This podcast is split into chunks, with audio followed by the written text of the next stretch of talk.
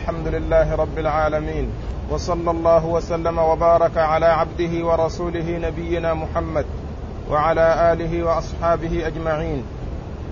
قال الإمام النسائي رحمه الله باب الفضل في ذلك.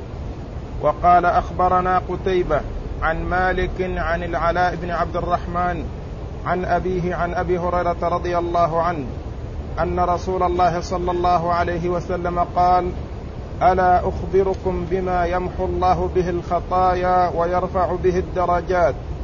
إسباغ الوضوء على المكاره وكثرة الخطى إلى المساجد وانتظار الصلاة بعد الصلاة فذلكم الرباط فذلكم الرباط فذلكم الرباط. بسم الله الرحمن الرحيم. الحمد لله رب العالمين وصلى الله وسلم وبارك على عبده ورسوله نبينا محمد وعلى آله وأصحابه أجمعين. أما بعد لما ذكر النسائي في الباب الذي قبل هذا إسباغ الوضوء أو الأمر بإسباغ الوضوء آه وأورد تحته بعض الأحاديث المتعلقة الدالة على ما ترجم له عقبه بهذه الترجمة وهي قوله الفضل في ذلك. يعني الفضل في إسباغ الوضوء. الفضل يعني ما ورد من الفضل أو مما يدل على فضل إسباغ الوضوء وعلى ما فيه من من الفضيلة وما فيه من الأجر والثواب. هذا هو المقصود بالترجمة. الفضل في ذلك أي الفضل في إسباغ الوضوء.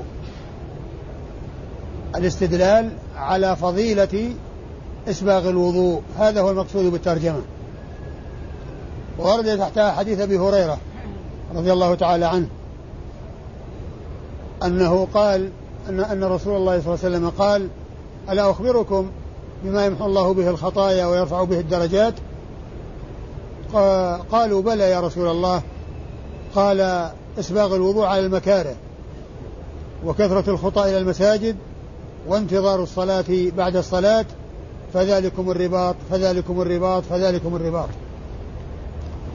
فإن الرسول صلى الله عليه وسلم في هذا الحديث بين أن إسباغ الوضوء على المكاره وما أضيف إليه من آآ آآ كثرة الخطى إلى المساجد وانتظار الصلاة بعد الصلاة بين أن الله تعالى يمحو به الخطايا ويرفع به الدرجات وبين بعد ذلك ذلك أيضا بقوله فذلكم الرباط فذلكم الرباط فذلكم الرباط. فدل على الفضل من جهتين من جهة أنه ذكر أولا أن هذا مما يمحو الله به الخطايا ويرفع به الدرجات ثم ختم ذلك بقوله فذلكم الرباط فذلكم الرباط فذلكم الرباط. ثم إن قول الرسول صلى الله عليه وسلم ألا أخبركم بما يمحو الله به الخطايا ويرفع به الدرجات؟ هذا الكلام آه الذي قاله الرسول صلى الله عليه وسلم تمهيدا لما يريد أن يبينه لأصحابه. آه هذا مما هذا من من كمال نصحه وكمال وكمال بيانه عليه الصلاة والسلام.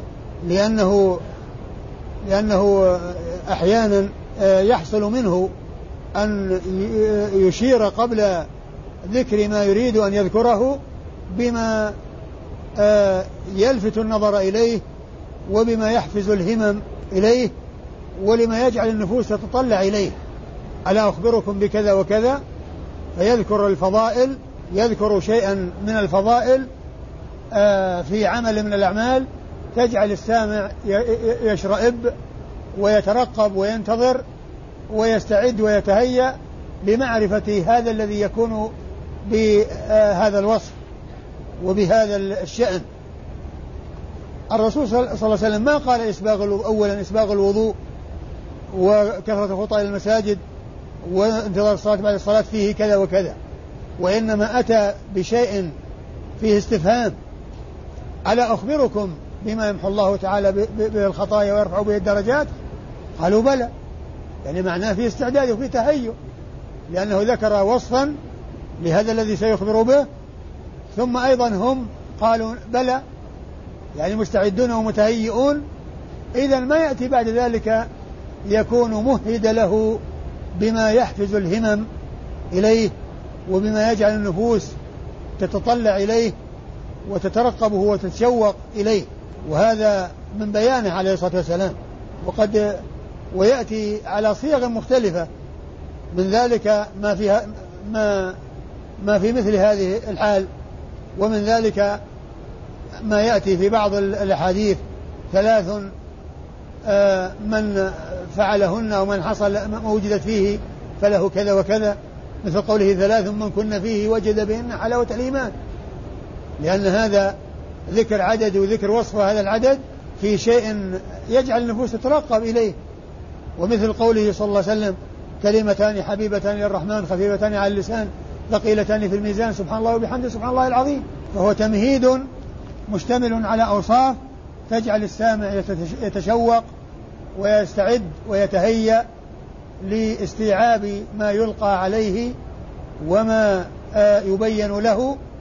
وهذا من كمال نصحه وكمال بيانه عليه الصلاة والسلام.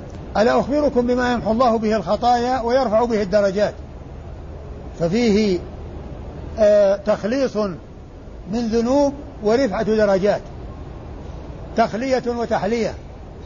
تخلية وهو تجاوز ومحو ومغفرة لذنوب وتحلية وهي رفع الدرجات حط ورفع إزالة وإتيان بما فيه رفعة وفيما فيه سمو وعلو. ألا أخبركم بما يمحو الله به الخطايا ويرفع به الدرجات. ففيه حط خطايا ومحو خطايا ورفعة درجات. والمحو يمكن أن يكون من صحف الملائكة الذين يكتبون السيئات لأنهم يكتبون الحسنات والسيئات. فمحو محو الخطايا مما كتبه الملك الموكل بكتابة السيئات. وليست القضية هي مجرد محو وإنما مع المحو علو وسمو ورفعة درجة وعلو مكانة. ورفعة الدرجات إنما هي في الجنة لأن الجنة درجات. كما أن النار دركات بعضها أسفل من بعض فالجنة درجات بعضها فوق بعض. درجات بعضها فوق بعض. فيرفع الله تعالى به الدرجات في الدنيا والآخرة. بأن آه، يكون له مكانة في النفوس ومحبة في النفوس. وفي الآخرة رفعة درجات في الجنة وعلو درجات في الجنة عند الله سبحانه وتعالى. ثم بين ذلك عليه الصلاة والسلام بقوله إسباغ الوضوء على المكاره. وهذا هو محل الشاهد من إيراد الحديث في هذه الترجمة وهي فضل إسباغ الوضوء. فضل إسباغ الوضوء يعني ومعه غيره لأن هذا الفضل للإسباغ ولغيره معه الذي هو آه كثرة الخطى إلى المساجد وانتظار الصلاة بعد الصلاة. هذه الأمور الثلاثة يرفع الله تعالى بها الدرجات ويحط بها الخطايا ووصفت بأنها الرباط ثلاث مرات. وقوله صلى الله عليه وسلم إسباغ الوضوء على المكاره هذا هو المقصود من إيراد الحديث هنا لأن فيه بيان فضل إسباغ الوضوء. ثم أيضا إسباغ الوضوء على المكاره يعني ما يعني ما كان فيه مشقة.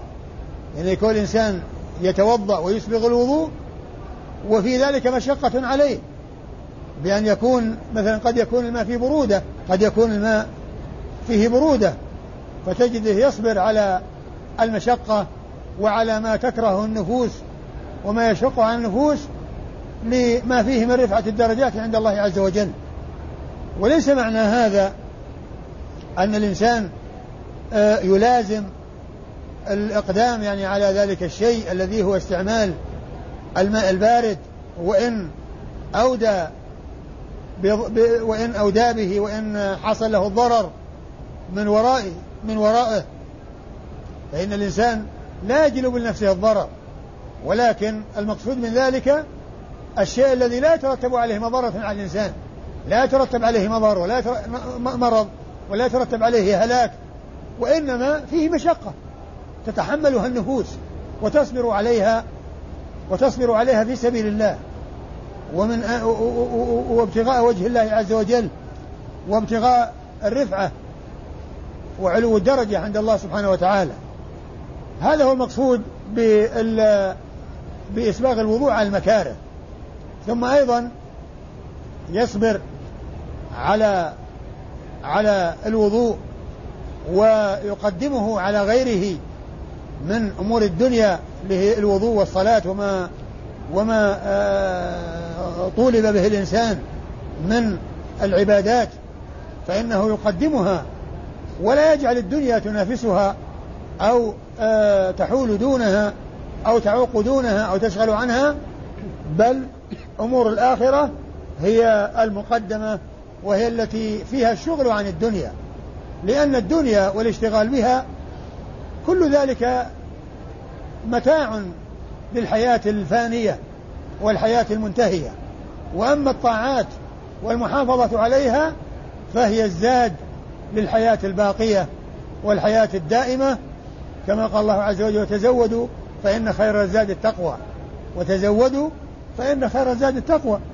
فالإنسان يصبر على الطاعات وإن شقت على النفوس وإن كان فيها مشقة يصبر على الطاعات ولو كانت شاقة لأن الجنة حفت بالمكاره كما قال ذلك رسول الله عليه الصلاة والسلام. والنار حفت بالشهوات فالجنة حفت بالمكاره. ومن الأشياء التي فيها مشقة والنفوس لا تميل إليها مثل استعمال البارد الماء البارد ومثل الذهاب يعني إلى المسجد في شدة الرمضة وفي شدة الحر وفي شدة البرد.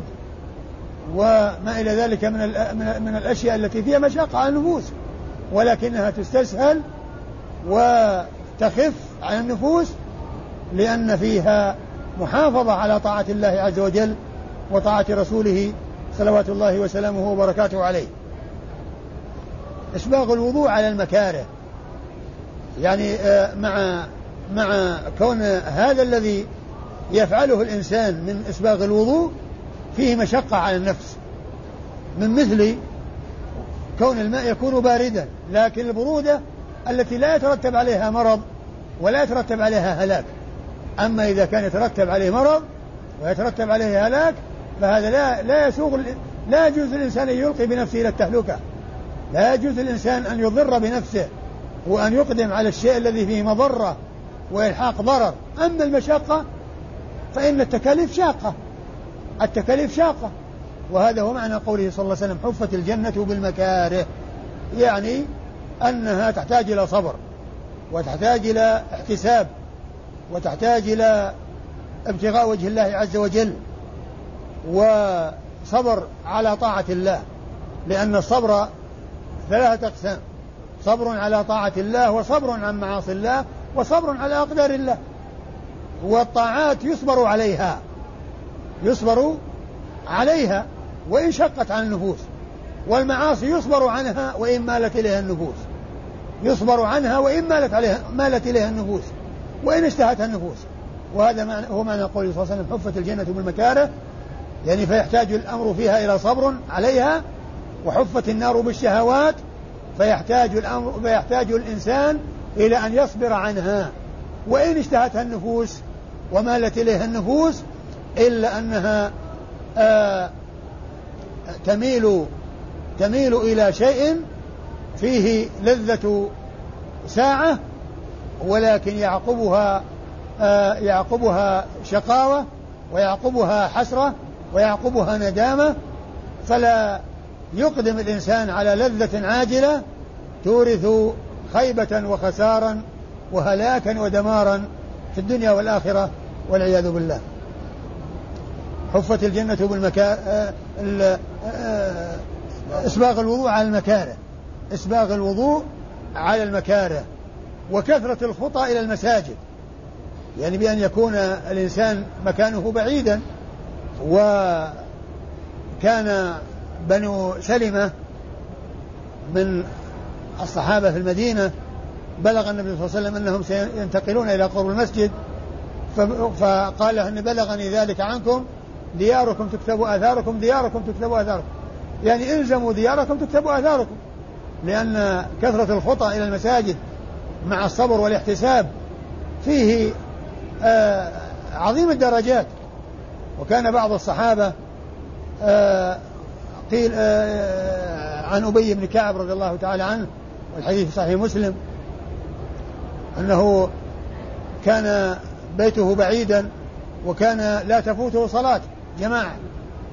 فقيل له لو أنك اشتريت حمارا تركبه في الرمضة وفي الليلة الظلمة فقال إني ما أحب أن يكون بيتي قرب المسجد إني أحب أن يكتب الله لي آه، خطواتي في ذهابي إلى المسجد ورجوعي إلى أهلي أن آه، آه، يكتبها الله لي يحط عني بها خطايا ويرفع ويكتب لي درجات أو حسنات فبلغ ذلك النبي صلى الله عليه وسلم فقال قد جمع الله لك ذلك كله قد جمع الله لك ذلك كله. فإذا كثرة الخطى إلى المساجد بكون الإنسان يكون بيته بعيدا ويصبر ويحتسب هذا من مما يرفعه الله تعالى به درجات ويحط عنه خطيئات. ولهذا جاء في الحديث أنه ما يخطو خطوة إلا ويحطه الله يحط الله عنه بها خطيئة ويرفعه بها درجة كما جاء جاءت بذلك الأحاديث عن رسول الله صلى الله, صلى الله عليه وسلم. ثم قال وانتظار الصلاة بعد الصلاة.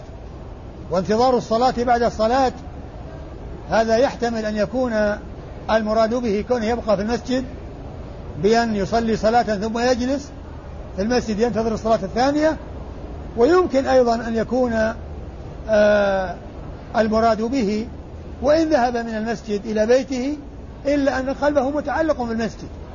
بمعنى أنه إذا ذهب من بيت من المسجد يفكر متى يرجع إليه. وشغله وفي باله آه أن آه تعلق قلبه بالمسجد. فهو لا يرجع منه إلا وهو يفكر في الذهاب إليه ويتطلع إلى الرجوع إليه. وهذا هو ما جاء في الحديث في السبعة الذين يظلهم الله في ظله يوم لا ظل إلا ظله ورجل قلبه معلق بالمساجد. معلق بالمساجد يعني لا يذهب منه إلا وهو مشدود إليه ومدفوع إليه يتحرى ويترقب الوقت الذي آه، به يرجع إليه إلى المسجد. فيمكن أن يكون يدخل تحته من يصلي الصلاة ثم يجلس يقرأ القرآن حتى تأتي الصلاة الأخرى لا سيما في الأوقات المتقاربة مثل ما بين بين العصر والمغرب والمغرب والعشاء فإن هذه أوقات متقاربة يكون فيها يمكن أن يكون فيها الجلوس في المسجد وذكر الله عز وجل وقراءة القرآن أو يكون المعنى أنه يرجع ولكنه إذا رجع هو متعلق في المسجد. يفكر متى يرجع إليه. قلبه معلق به. ورجل قلبه معلق بالمساجد. أحد السبعة الذين يظلهم الله في ظله يوم لا ظل إلا ظله كما ثبت بذلك الحديث عن رسول الله صلوات الله وسلامه وبركاته عليه. إذا هذه الأعمال الثلاثة التي هي إسباغ الوضوء على المكاره وكثرة الخطى إلى المساجد وانتظار الصلاة بعد الصلاة هذه مما يرفع الله تعالى به مما يحط الله به الخطايا ويرفع به الدرجات. ثم أيضا وصفها رسول الله صلى الله عليه وسلم بأن هذا هو الرباط. فذلكم الرباط فذلكم الرباط. والرباط هو المرابطة على الشيء والملازمة له وهو يطلق على آه، الرباط في سبيل الله وهو مسك الثغور والمداخل التي يدخل منها الكفار والأعداء إلى بلاد المسلمين آه، آه، الأعداء الذين يتحينون الفرص للانقضاض على المسلمين والإساءة إليهم فإن البقاء في الثغور والمنافذ والمداخل التي في طريق الكفار وفي آه، يمكن أن يهجم منها العدو. آه، هذا من الرباط في سبيل الله. يسمى رباط في سبيل الله. لأن فيه ملازمة. ملازمة في الجهاد في سبيل الله. لأن كونه يجاهد في سبيل الله ملازم. مسك ذلك المكان الذي يأتي منها الأعداء فهو يحول دونهم ويصدهم عن أن يدخلوا إلى المسلمين وأن يفتكوا بهم ويؤذوهم. فمثله هذا الذي جاء في هذا الحديث من كون الإنسان آآ آآ يلازم المساجد ويحرص عليها ويتعلق قلبه بها وينتظر الصلاة بعد الصلاة بمعنى أنه يجلس في المسجد ينتظر الصلاة التي بعدها. و و وكذلك أيضا آه إذا خرج هو متعلق قلبه بها وكذلك أيضا آه يذهب إليها. وإن كان مكانه بعيدا ذاهبا آيبا كل ذلك فيه مشقة عليه وكل ذلك يكتبه الله عز وجل له ويحط عنه به الخطايا ويرفع به الدرجات وكذلك إسباغه الوضوء على المكاره آه، آه، في الشيء الذي يكون عليه مشقة وعليه تعب فإنه يصبر ويحتسب لكن بشرط ألا يلحق ذلك به ضررا من مرض يحبسه عن الطاعة أو هلاك و آه، وموت يترتب على إضراره بنفسه إذا لم يحصل ذلك وإنما حصل مجرد المشقة فإن الطريق إلى الجنة شاق ويحتاج إلى صبر واحتساب ويحتاج الطريق إلى الطريق إلى الجنة ليس كما يقول كما يقال ليس ليس مفروشا بالورود والرياحين وإنما فيه العناء والمشقة. فيه التكاليف والتكاليف شاقة. التكاليف شاقة. ولكن من يوفقه الله عز وجل يصبر ويحتسب وإن شقت التكاليف عليه. لأنه يعلم أن العاقبة حميدة ويعلم أن النتيجة طيبة. فإذا فقوله فذلكم الرباط يعني هذا هو الذي فيه الملازمة والثبوت على هذا العمل الذي يمحو الله به الخطايا ويرفع به الدرجات وهو يشبه الرباط في سبيل الله الذي هو مسك الثغور والوقوف في طريق الأعداء الذين آه، يتحينون الفرص للانقضاض على المسلمين والفتك بهم والقضاء عليهم. أما إسناد الحديث فيقول النسائي أخبرنا قتيبة بن سعيد. أخبرنا قتيبة. وقتيبة مر ذكره كثيرا. ما أكثر ما يأتي ذكره في الأسانيد.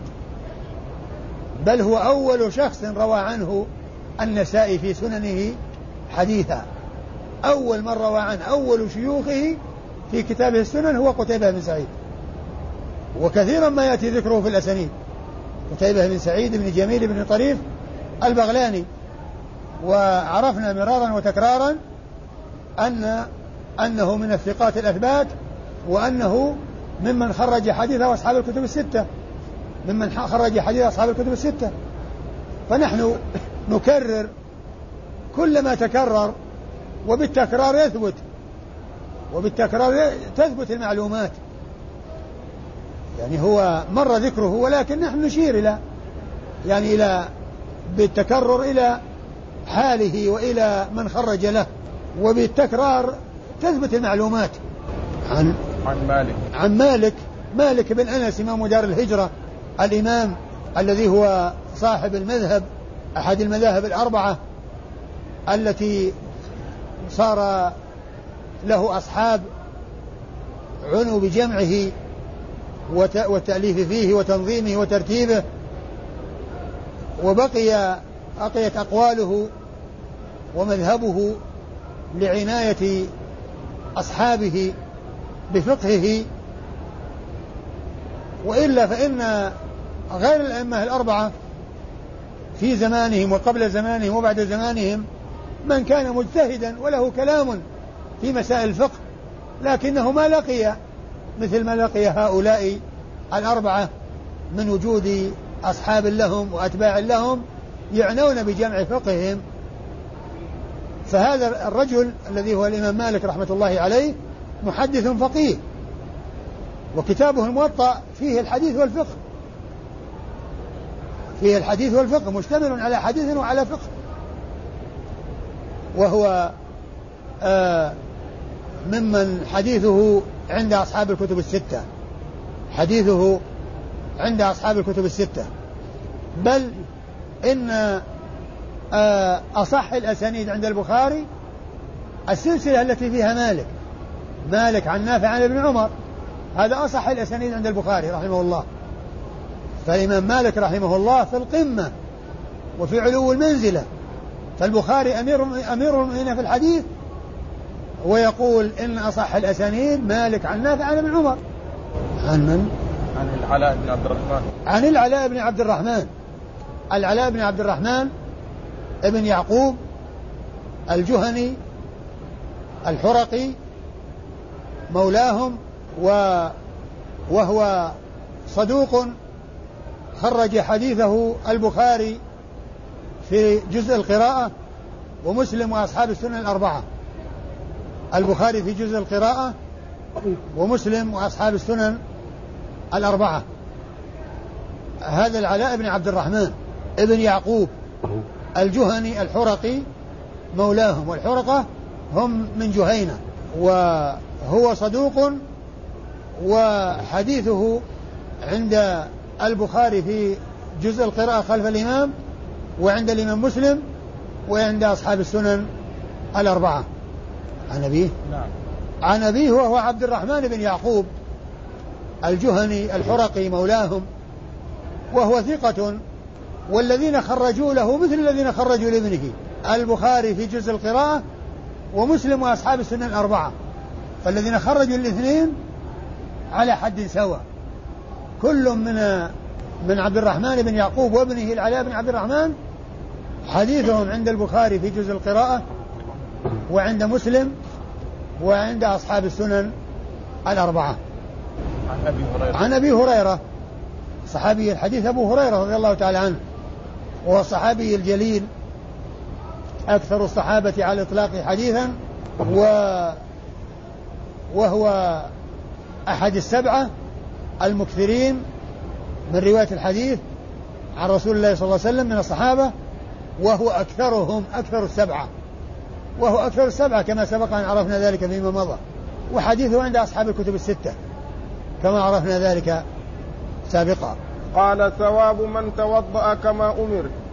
وقال أخبرنا قتيبة بن سعيد قتيبة بن سعيد قال حدثنا الليث عن أبي الزبير عن سفيان بن عبد الرحمن عن عاصم بن سفيان الثقفي أنه قال إنهم غزوا غزوة السلاسل.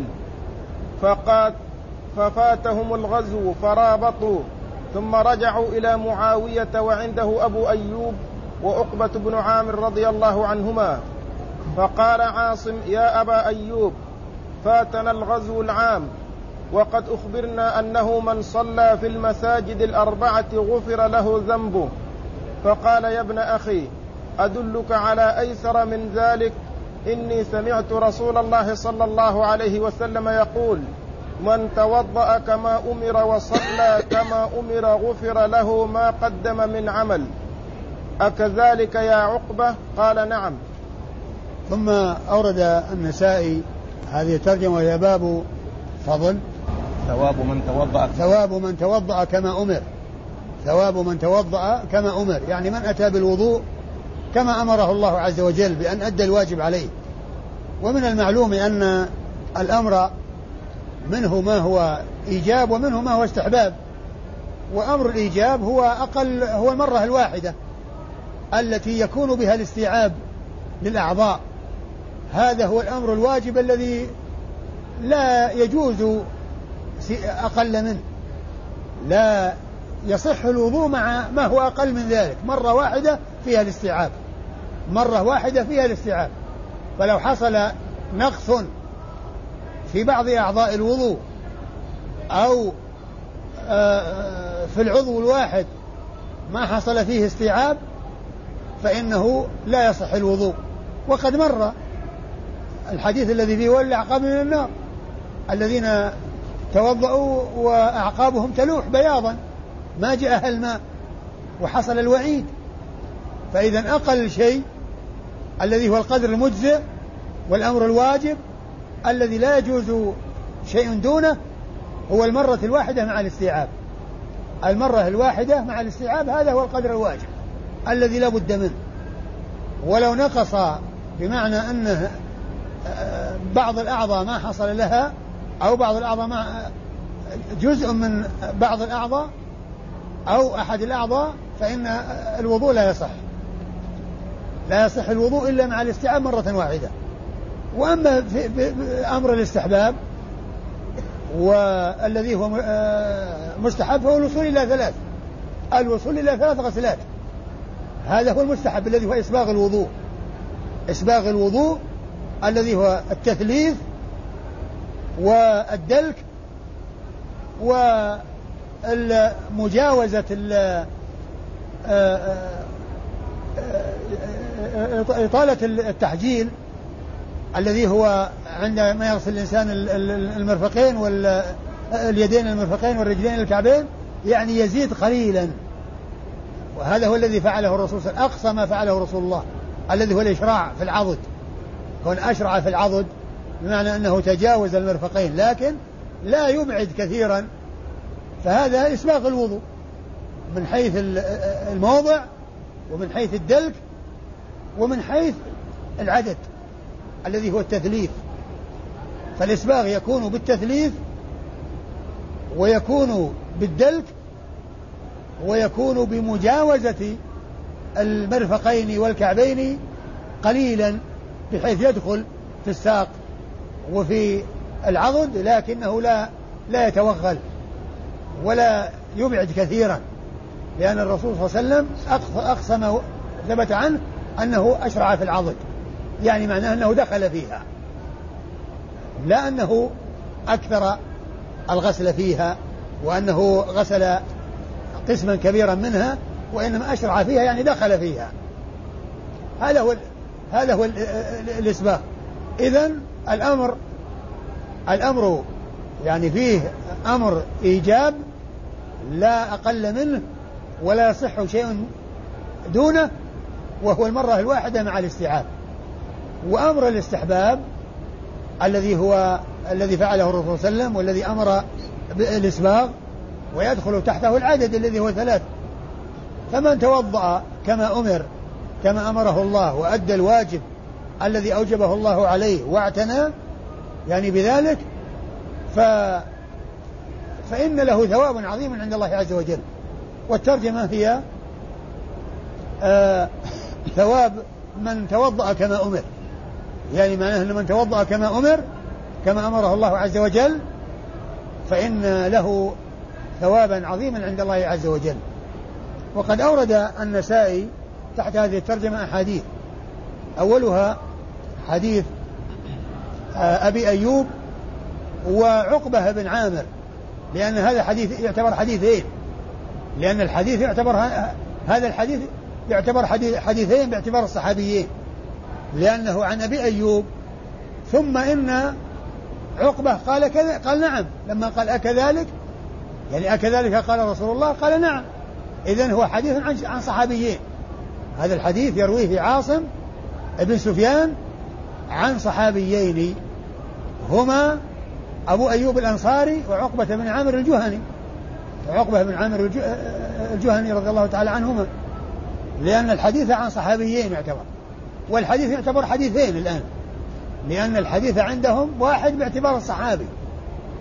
لأنه قد يكون جاء من صحابي آخر فيكون حديثا آخر.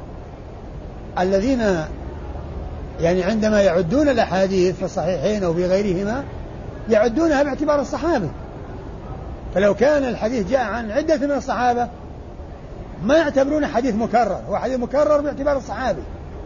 إذا جاء عن صحابي واحد مكرر في عدة مواضع قالوا مكرر. لكن إذا الحديث نفسه جاء عن فلان وعن فلان وهو حديث واحد يعتبر حديثين. ما يعتبرون حديث واحد. فهو حديث الحديث عندهم باعتبار الصحابي.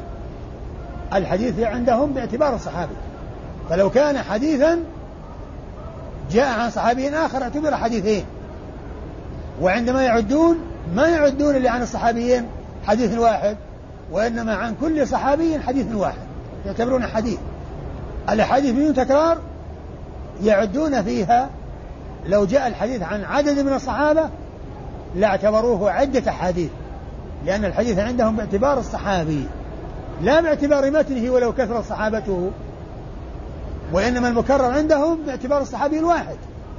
كونه يأتي عن صحابي ويتكرر ألفاظه مثل حديث المغيرة بن شعبة في المسح الخفين جاء في مواضع عديدة هذا قال حديث مكرر.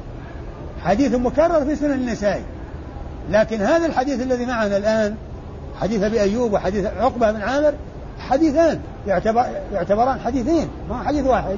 إذا عاصم بن سفيان يروي الحديث عن أبي أيوب الأنصاري وعن عقبة بن عامر الجهني رضي الله تعالى عنهما لأن أبا أيوب هو الذي ساق الحديث ثم قال أبو أيوب لعقبة بن عامر أكذلك؟ قال نعم. يعني معناه أن عقبة بن عامر وافق أبا أيوب على أن أنه سمع الحديث من رسول الله عليه الصلاة والسلام حيث قال له أبو أيوب أكذلك يا عقبة؟ قال عقبة نعم. إذا الحديث عن عقبة وعن أبي أيوب معا. وعن أبي أيوب معا. وكما قلت لكم أن الحديث يكون باعتبار الصحابي آه مثل حديث حديث جبريل المشهور.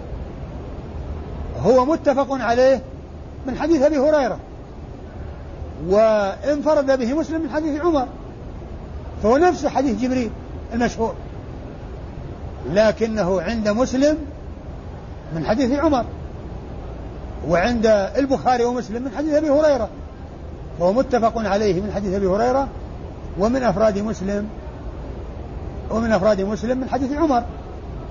اذا هو باعتبار الحديث باعتبار الصحابي لا يقال إن حديث عمر وحديث أبي هريرة مكرر. وإنما حديث عمر إذا جاء في عدة مواضع يصير مكرر وحديث أبي هريرة إذا جاء في عدة مواضع يصير مكرر. لكن حديث عمر مستقل وحديث أبي هريرة مستقل.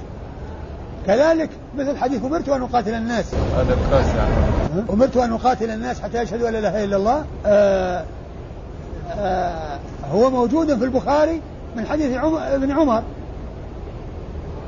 وهو موجود وقد قال ابن حجر في شرح الحديث وهذا الحديث من غرائب الصحيح وقد خلا منه مسند الإمام أحمد على سعته وقد خلا منه مسند الإمام على سعته أربعين, حديث أربعين ألف حديث. لا يوجد فيها حديث ابن عمر أمرت أن أقاتل الناس. لكنه موجود من حديث أبي هريرة في مسند الإمام أحمد. فقوله خلا منه مسند الإمام أحمد يعني خلا منه من حديث ابن عمر. لكن ما خلا منه من حديث أبي هريرة. ذلك لأن الحديث هو باعتبار الصحابي لا باعتبار لفظه وباعتبار متنه بل هو باعتبار صحابيه. ومتن الحديث يقول عاصم بن عبد الله بن, بن سفيان الثقفي أننا غزونا آه، السلاسل ففاتنا الغزو فرابطنا يعني جلسوا في الثغور مدة في آه، عند الحدود. التي تكون مع مع الأعداء. جلسوا في الثغور ليحرسوا بلاد المسلمين من أن أن ينخض عليها عليهم الكفار. ثم عادوا وجاءوا إلى معاوية وعنده أبو أيوب الأنصاري وعقبة بن عامر الجهني رضي الله عنهما. فقال عاصم يخاطب أبا أيوب أننا غزونا العام وفاتنا الغزو. فرابطنا وبلغنا وأخبرنا أن من صلى في المساجد الأربعة غفر له ما تقدم من ذنبه. فقال أبو أيوب ألا أخبرك ولا أدلك على ما هو أيسر من ذلك؟ سمعت رسول الله صلى الله عليه وسلم يقول من توضأ كما أمر وصلى كما أمر آه غفر له ما تقدم من عمل. يعني من من عمل سيء. غفر له ما تقدم من عمل يعني من عمل سيء. فهذا هو المقصود من إيراد الحديث. من توضأ كما أمر فضله أن الله تعالى يغفر له. أن الله تعالى يغفر له. لكن هذه المغفرة كما عرفنا مرارا هي للسيئات اللي هي صغائر وأما الكبائر فلا بد فيها من توبة. لا بد فيها من توبة. الكبائر تكفرها التوبة. وأما الصغائر فيكفرها الأعمال الصالحة. كما قال الله عز وجل إن تجتنبوا كبائر ما تنهون عنه نكفر عنكم سيئاتكم. إن تجتنبوا كبائر ما تنهون عنه نكفر عنكم سيئاتكم. يعني الصغيرة هي التي تكفر. باجتناب الكبائر وتكفر بالنسبة تكفرها الأعمال. نعم إذا حصلت وجدت الأعمال الصالحة ووجد معها توبة من جميع الذنوب لا شك أن هذه التوبة وهذا العمل الصالح كفر ما مضى. من كبائر وصغائر.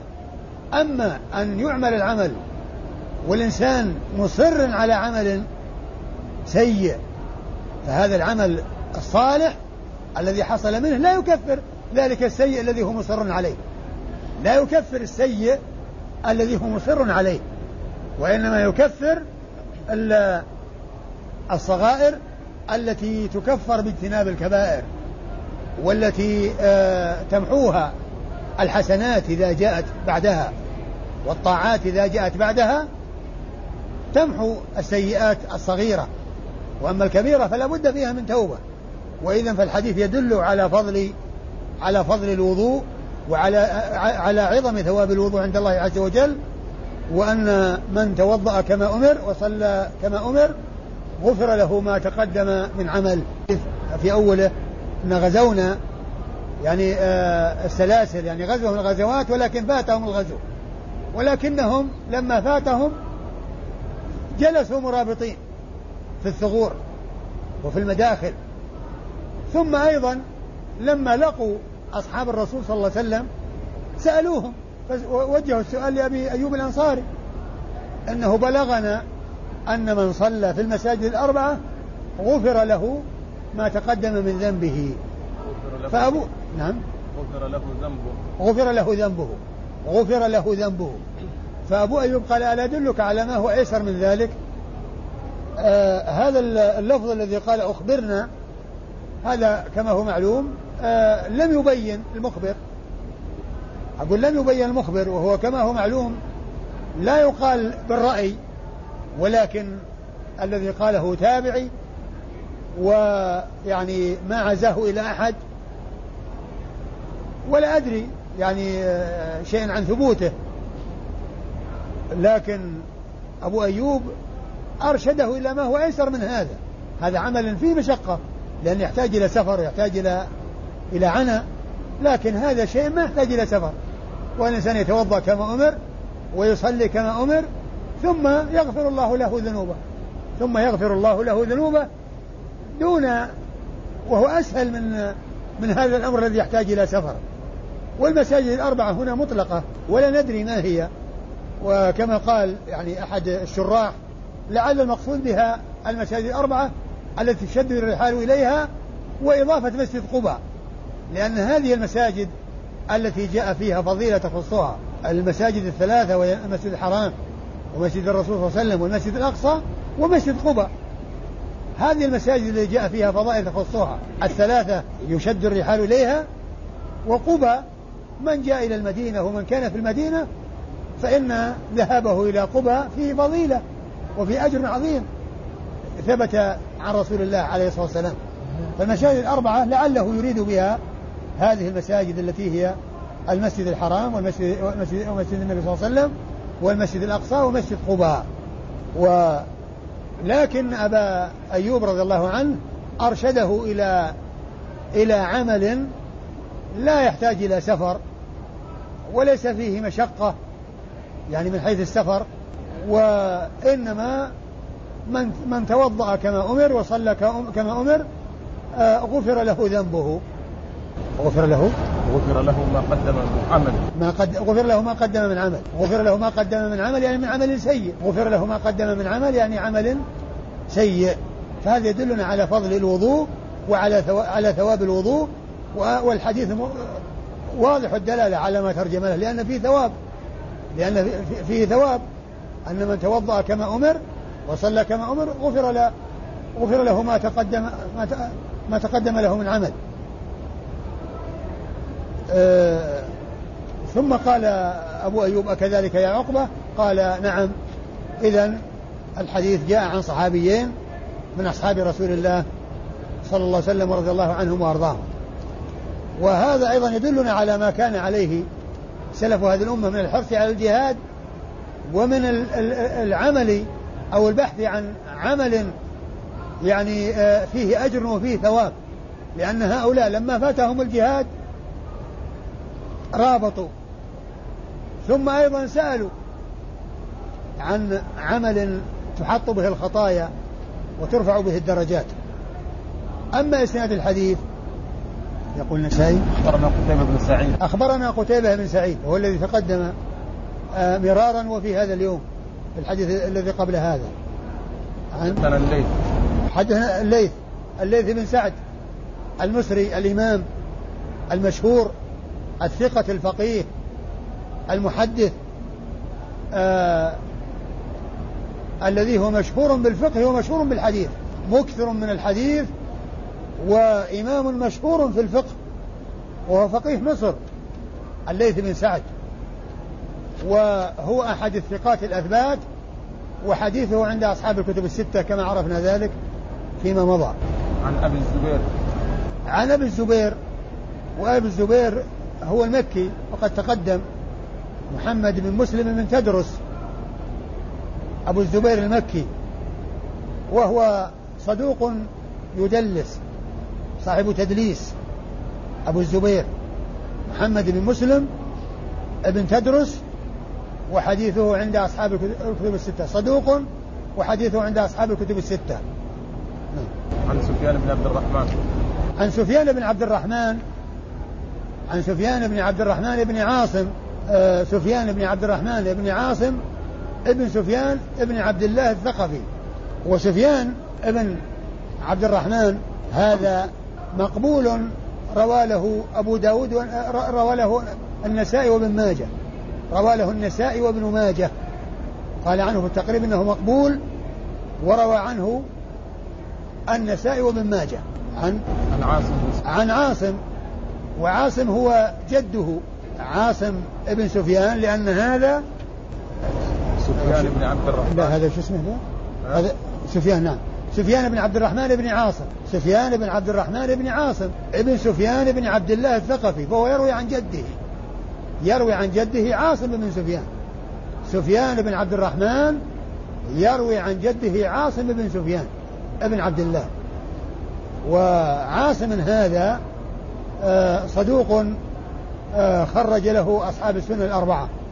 صدوق خرج له أصحاب السنن الأربعة وهذا هو التابعي الذي لقي هؤلاء الصحابة وسأل أبا أيوب الذي حصل منه الجهاد والرباط وحصل منه السؤال لأبي أيوب وكان بحضور معاوية وعقبة وأجابه أبو أيوب بما أجابه به ثم قال أه أه أه أكذلك يا عقبة؟ فقال نعم فدل على أن عاصما هذا يرويه عن صحابيين يرويه عن أبي أيوب الأنصاري وعن عقبة بن عامر الجهني رضي الله تعالى عنهما. نعم. الصحابي أبو أيوب وعقبة. إيش؟ هو يروي عن أبي أيوب وعقبة. و؟ الصحابيين. نعم. أبو أيوب وعقبة. ما تكلمت عنه. نعم. ما تكلمت عنه. أبو أيوب الأنصاري سبق أن مر سبق أن مر بنا وهو أبو أيوب الأنصاري آه الذي كان الرسول صلى الله عليه وسلم نزل عليه في داره لما قدم المدينة أول ما قدمها نزل في دار أبي سفيان أبي أيوب هذا. وقد مر ذكره فيما مضى. وكان توفي وهو في الغزو في بلاد, في بلاد الروم رضي الله تعالى عنه وأرضاه. والرسول صلى الله عليه وسلم نزل وهو في داره ثم إنه لما نزل كانت مكونة من من دورين. دار أبي, أيوب كما في صحيح مسلم. فكان نازل نزل الرسول صلى الله عليه وسلم في الدور الأول ثم فكان هو فوق ثم بعد ذلك جاء وقال لا أريد أن أن أكون يعني تحتك بل أنت اللي تكون فوق. فألح عليه حتى قبل رسول الله صلى الله عليه وسلم ونزل فوق. والحديث في صحيح مسلم. يعني هذا الرجل سبق أن مر وهو وهو وهو الذي نزل الرسول صلى الله عليه وسلم في داره عندما قدم المدينة قبل أن يبني المسجد وقبل أن يبني حجراته حجرات أمهات المؤمنين رضي الله عنهن وأرضاهن. وأما عقبة بن عامر فهو الجهني. عقبة بن عامر الجهني آه، صاحب رسول الله عليه الصلاة والسلام. وهو الذي آه، جاء عنه في الصحيح أنه قال كنا نتناوب رعاية الإبل.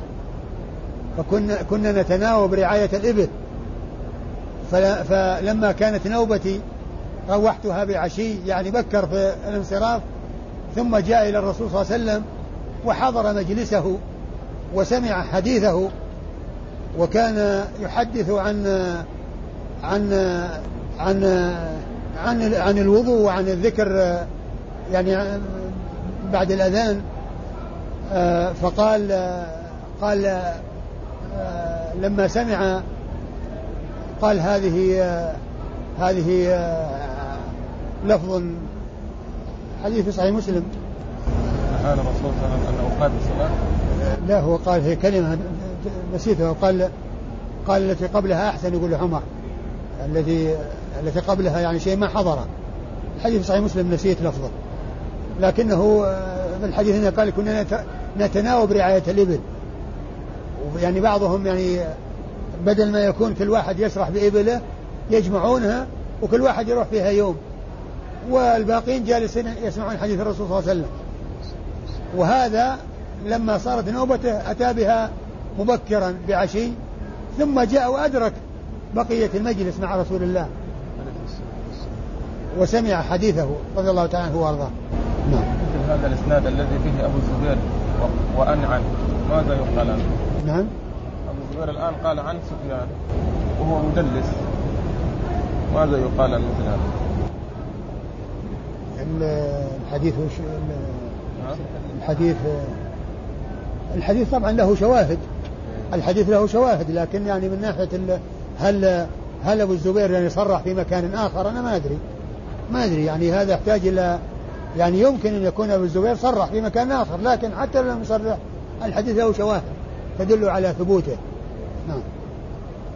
قال أخبرنا محمد بن عبد الأعلى قال حدثنا خالد عن شعبة عن جام بن شداد قال سمعت حمران بن أبان أخبر أبا بردة في المسجد أنه سمع عثمان رضي الله عنه يحدث عن رسول الله صلى الله عليه وسلم أنه يقول من أتم الوضوء كما أمره الله عز وجل فالصلوات الخمس كفارات لما بينهن. تعيد تعيد الإسناد. قال أخبرنا محمد بن عبد الأعلى. قال حدثنا خالد عن شعبة عن جامع بن شداد. قال سمعت حمران بن أبان أخبر أبا بردة في المسجد أنه سمع عثمان رضي الله عنه يحدث عن رسول الله صلى الله عليه وسلم يقول من أتم الوضوء كما أمره الله عز وجل فالصلوات الخمس كفارات لما بينهن. ثم أورد النسائي حديث عثمان بن عفان رضي الله عنه الذي يرويه عنه مولاه حمران بن أبان والذي يقول فيه عثمان أنه سمع رسول الله رسول الله صلى الله عليه وسلم يقول من أتم الوضوء كما أمره الله فالصلوات الخمس كفارات لما بينهن. يعني من أتم الوضوء وصلى الصلوات الخمس فهي كفارة لما بينهن لأن كما هو معلوم الصلاة من شرطها الوضوء فمن أتى بالشرط وبالمشروط كما أمره الله فالصلوات الخمس كفارة لما بينهن. ومن المعلوم أن الصلوات تنبني على وضوء ولا صلاة بدون وضوء كما تقدم لا يقبل لا يقبل الله صلاة بغير طهور. فإذا توضأ الإنسان كما أمره الله أتم الوضوء كما أمره الله فالصلوات الخمس كفارة لما بينهن. وهذا شاهد لحديث حديث حديث الحديث الذي مضى حديث أبي أيوب وحديث عقبة بن عامر الجهني. أيضا هو من الشواهد لأن في معناه لأن كله يدل على فضل الوضوء وفضل الصلاة وثواب الوضوء وثواب من توضأ كما أمر ومن صلى كما أمر. فإن الصلوات كفارة لما بينهن. كل صلاة تكفر ما بينها وبين الصلاة الأخرى. أي الصغائر. أما الكبائر فالأمر يحتاج فيها إلى توبة كما عرفنا ذلك آه، من قبل. وأقول بالنسبة للحديث الذي مضى الحديث هو من صلى كما من توضأ كما أمر ومن صلى كما أمر. ما يقال إن الحديث من صلى في المساجد الأربعة آه غفر له ذنبه لأن هذا جاء عرضا. وهذا هو السبب الذي يعني ذكر أولا ثم ذكر الحديث. فيحتاج يعني معرفة كونه حديث وكونه ثابت من غير هذا. وفي هذا في هذا الموطن ما يقال له حديث لأنه قال أخبرنا أو بلغنا أن من توضأ كما أمر. لكن الحديث الذي مسند والحديث الذي هو سيق الحديث من أجله الإسناد من أجله هو من توضأ كما أمر. أما من يعني لا لا يقال أن الحديث في سنن النساء من صلى آه، كما من من من صلى في المساجد الأربعة غفر له ذنبه. يعني يعني أخذا من هذا المكان أو أخذا من هذا الإسناد الذي يؤخذ من هذا الإسناد هو من من توضأ كما أمر وصلى كما أمر. أما من صلى في المساجد الأربعة غفر له ذنبه هذا يحتاج إلى أن يعرف ثبوته من في من غير هذا الطريق. أما هذه الطريق فلا تثبت هذا الحديث.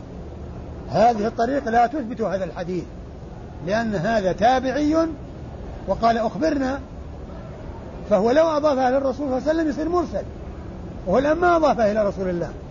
طبعا مثله لا يقال في الرأي مثله لا يقال في الرأي لو أنه أضافه إلى صحابي فهو له حكم الرفع.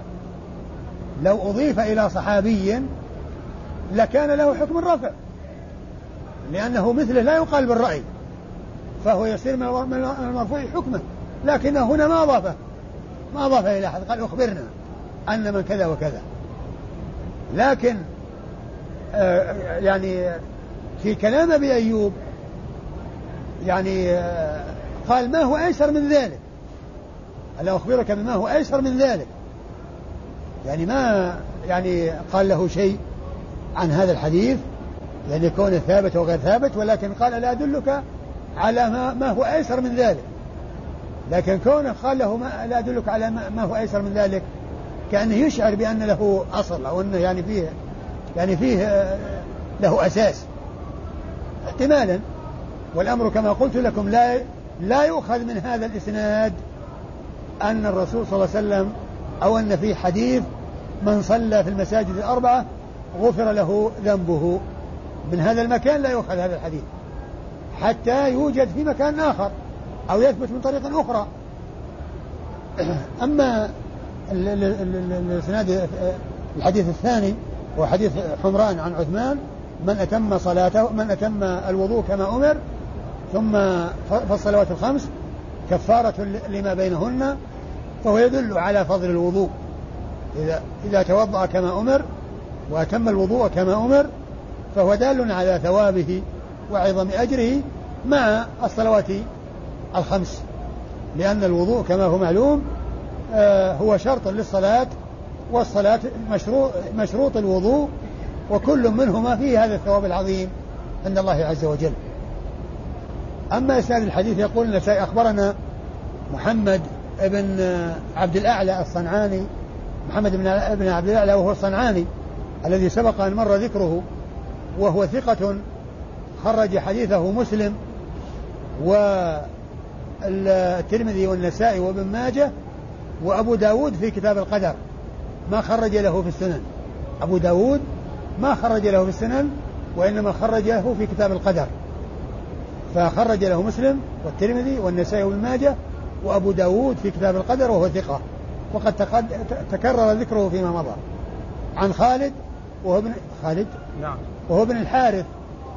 وهو ثقة حديثه عند أصحاب الكتب الستة. كما عرفنا ذلك مرارا وتكرارا. عن عن شعبة. عن شعبة بن الحجاج أمير المؤمنين في الحديث. وهو حديثه عند أصحاب الكتب الستة. وقد مر ذكره مرارا وتكرارا. عن جامع بن شداد. عن جامع بن شداد المحاربي أبو صخرة الكوفي وهو ثقة حديثه عند أصحاب الكتب الستة. وهو ثقة حديثه عند أصحاب الكتب الستة. يروي عن حمران. يروي عن حمران بن أبان مولى عثمان وهو ثقة حديثه عند أصحاب الكتب الستة. وحمران يروي, يروي عن عثمان أمير المؤمنين عثمان بن عفان رضي الله عنه وقد تقدم ذكره مرارا وتكرارا وحديثه عند أصحاب الكتب الستة. أخبر أبا أما قوله في إسناد الحديث آآ آآ أن قال سمعت يقول جامع بن شداد سمعت حمران أخبر أبا بردة في المسجد سمع عثمان. فأبو بردة ليس من رواة الإسناد هنا وإنما جاء ذكره لأن جامع بن شداد لم يحدث بالحديث ولكن الذي حدث به هو أبو بردة لأن أبان آه، حمران بن أبان يحدث أبا بردة وهذا يسمع. الذي هو جامع بن شداد فروى ما سمعه وما حدثه يحدث غيره. وقد عرفنا فيما مضى أن الإنسان له أن يتحمل وإن لم يقصد هو بالتحديث.